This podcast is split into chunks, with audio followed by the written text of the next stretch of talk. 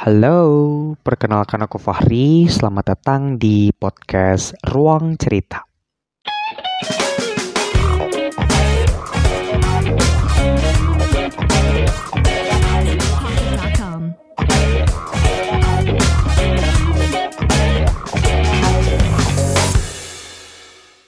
Di ruang kali ini aku bakal bercerita tentang kehidupanku setelah aku lulus.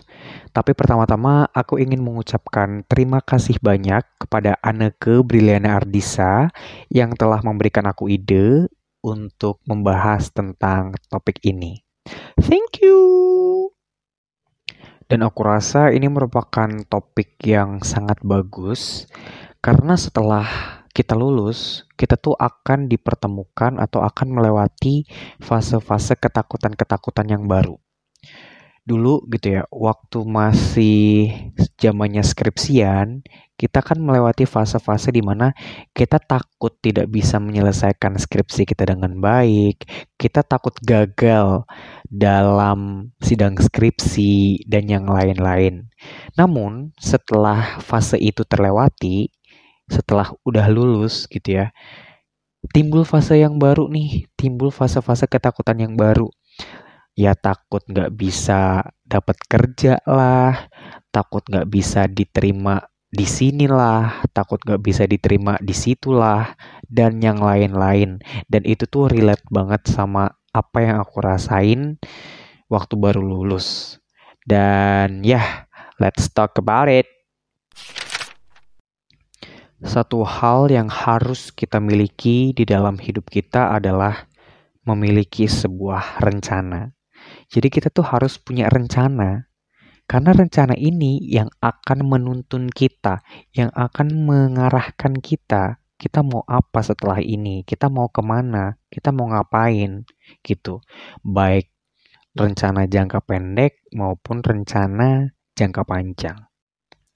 Aku bisa lulus kuliah dalam kurun waktu 3 tahun, 5 bulan, 18 hari itu karena sudah aku rencanakan sejak awal-awal aku masuk kuliah. Karena rencana tersebutlah yang akhirnya menentukan langkah-langkah apa yang harus aku ambil supaya aku tuh bisa lebih dekat ke rencana aku, supaya aku bisa berhasil mencapai rencanaku itu. Makanya punya rencana itu penting karena dengan kita punya rencana, kita jadi tahu langkah-langkah apa yang harus kita ambil supaya kita tuh bisa lebih dekat ke rencana kita. Tapi ya namanya juga hidup. Kadang memang tidak sesuai seperti apa yang sudah direncanakan, tapi ya kita harus tetap bisa berimprovisasi dan bikin rencana yang baru. Karena setelah aku lulus, aku tuh memang sudah punya rencana untuk kuliah lagi. Jadi aku mau ikutan seleksi beasiswa terus kuliah lagi.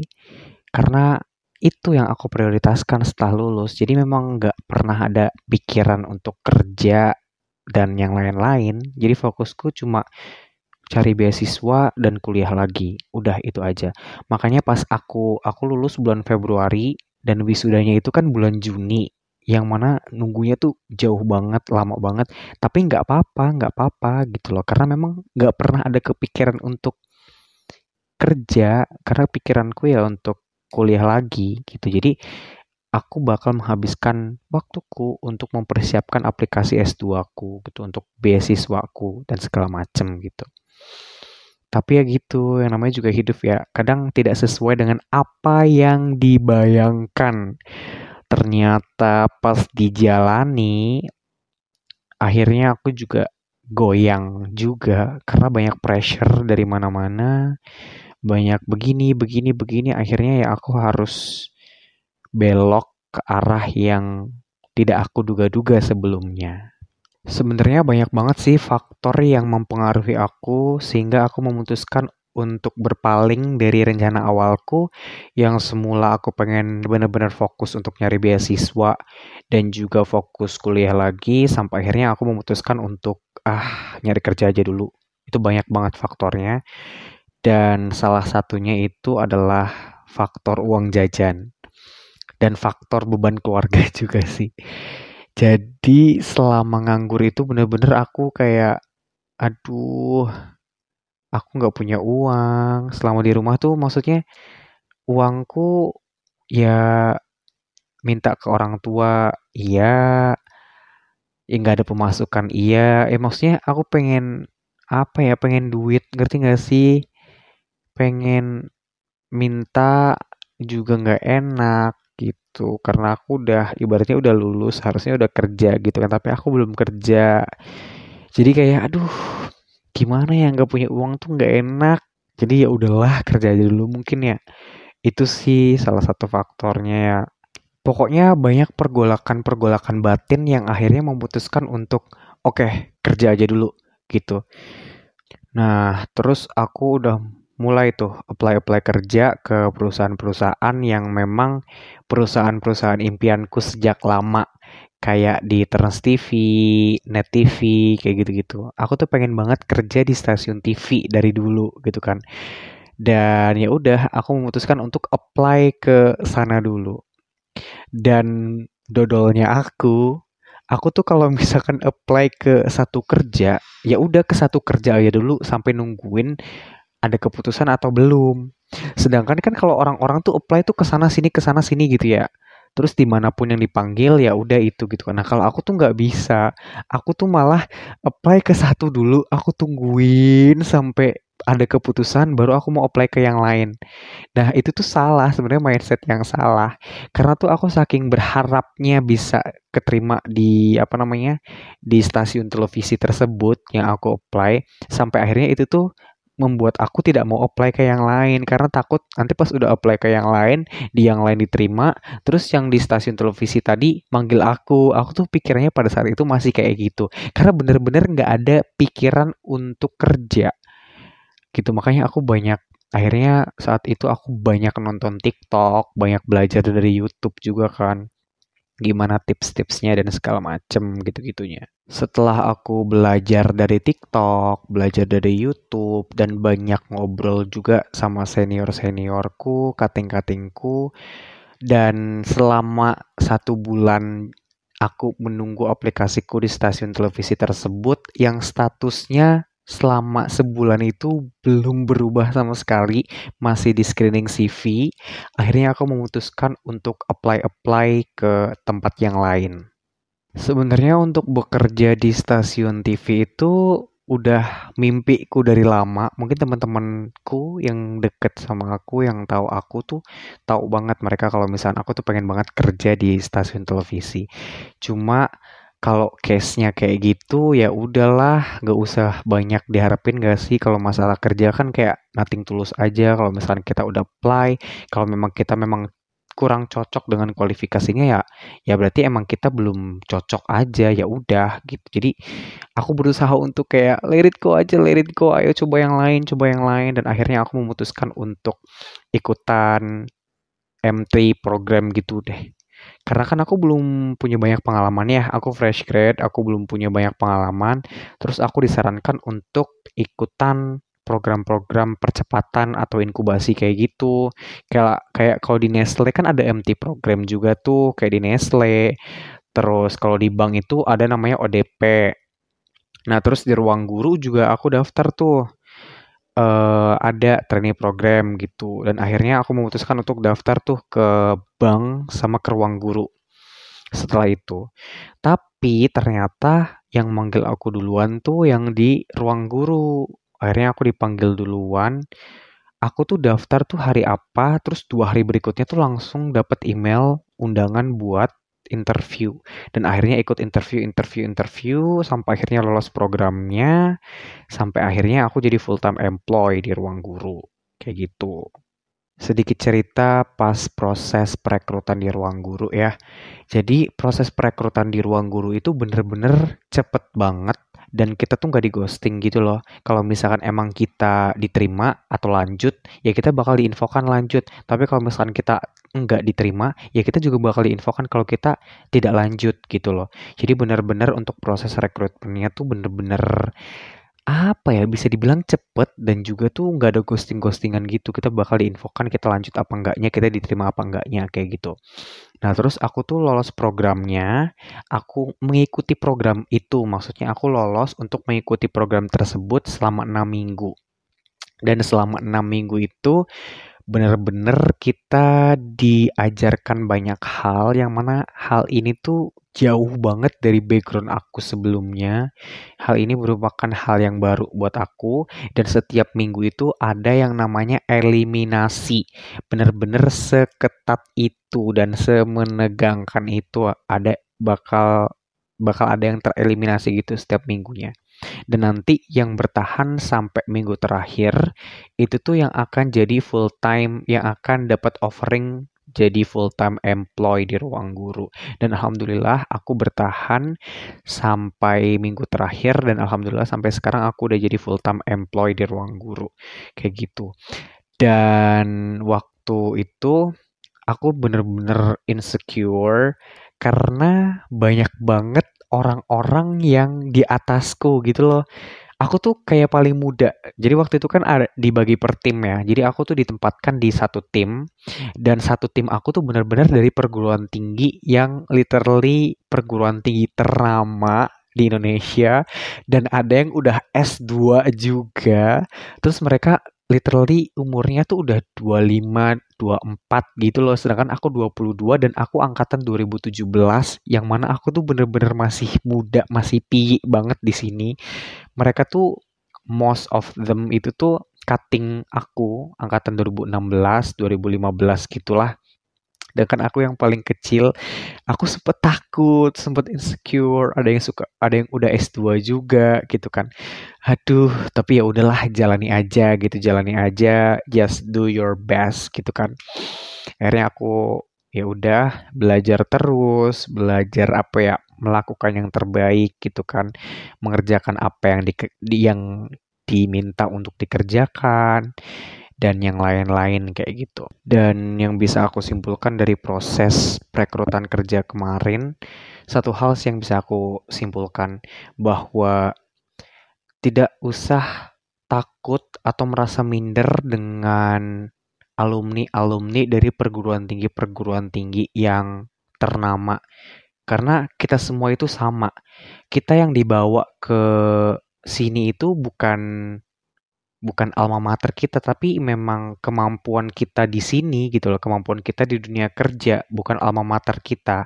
Yang kita banggakan yang kita persembahkan itu ya etos kerja kita bukan alma mater kita gitu. Jadi eh, nggak uh, usah minder nggak usah takut dan segala macem. Yang penting tunjukkan kalau kamu tuh bener-bener berkualitas.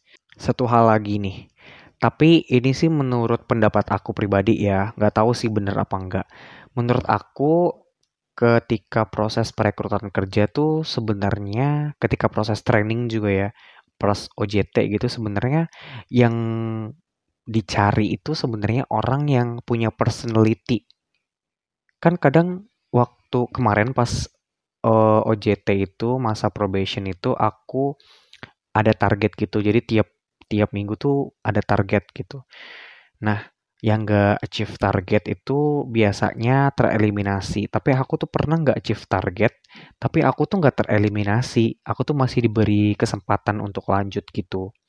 Dan yang bisa aku simpulkan, gak peduli seberapa bisa kamu nge target, tapi sebenarnya yang dinilai itu personality kita. Kita tuh punya personality enggak? Maksudnya uh, ya personality kita tuh bagaimana? Kita tuh bisa dibentuk atau enggak sih? Kita tuh bisa di apa namanya bisa diarahkan untuk lebih baik enggak sih kayak gitu loh. Sama attitude-nya sih. Jadi jadi attitude-nya harus baik dan person kita harus punya personality juga gitu. Dan aku beruntung banget bisa kerja di sini karena ini merupakan stepping stone aku sebelum aku mencapai ke mimpi-mimpi aku selanjutnya. Karena memang aku tuh punya long term goal gitu. Aku tuh pengen banget jadi dosen gitu ya. Aku pengen banget jadi dosen. Jadi mungkin dengan mengawali karirku sebagai education consultant di ruang guru, aku itu bisa apa ya, ini tuh sebagai tangga gitu loh. Aku lagi membangun tangga atau jembatanku untuk menuju ke mimpi aku yang lebih baik lagi ke depannya gitu loh. Jadi untuk jadi dosen tuh ya aku harus melewati tahap ini dulu loh gitu loh untuk bisa ke sana. Jadi aku seneng banget sih. Maksudnya aku juga bersyukur aku bisa ada di sini walaupun aku nggak diterima di apa namanya di stasiun televisi tersebut tapi mungkin memang ini yang terbaik buat aku gitu loh karena Tuhan tuh tahu yang terbaik untuk kita dan Tuhan tuh akan memberikan apa yang kita butuhkan gitu loh, bukan apa yang kita mau.